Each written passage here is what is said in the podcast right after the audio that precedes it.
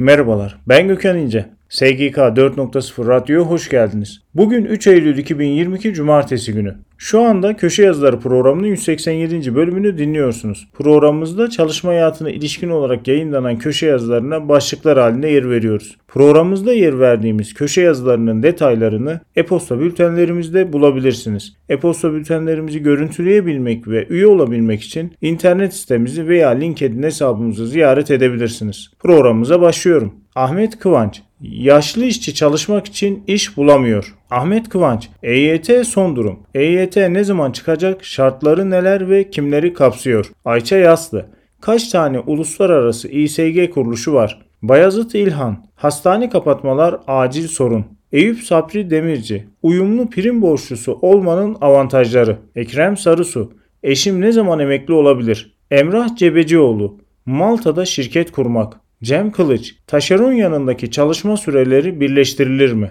Hakan Çınar, organize sanayi bölgesi memleket meselesi. Hüseyin İrfan Fırat, işveren emekli çalışanı da sigortaya bildirmelidir. Nedim Türkmen, yurt dışında çalışan işçilere vergi istisnası getirilemez. Ussal Şahbaz, İstanbul Finans Merkezi olur mu? Resul Kurt, çalışana eşit davranmayan tazminat öder. Mert Görkem Ayaz, sessiz istifa, büyük istifa fenomenleri ve turnover maliyetleri.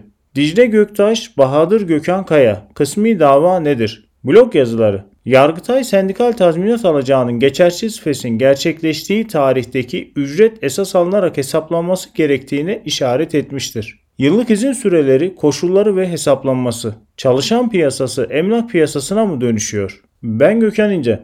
SGK 4.0 Radyo'da Köşe Yazıları programının 187. bölümünü dinlediniz. Programımızda çalışma hayatına ilişkin olarak yayınlanan köşe yazılarına başlıklar halinde yer verdik. Programımızda yer verdiğimiz köşe yazılarının detaylarını e-posta bültenlerimizde bulabilirsiniz. E-posta bültenlerimizi görüntülemek ve üye olabilmek için internet sitemizi veya LinkedIn hesabımızı ziyaret edebilirsiniz. Bir sonraki yayında görüşmek üzere.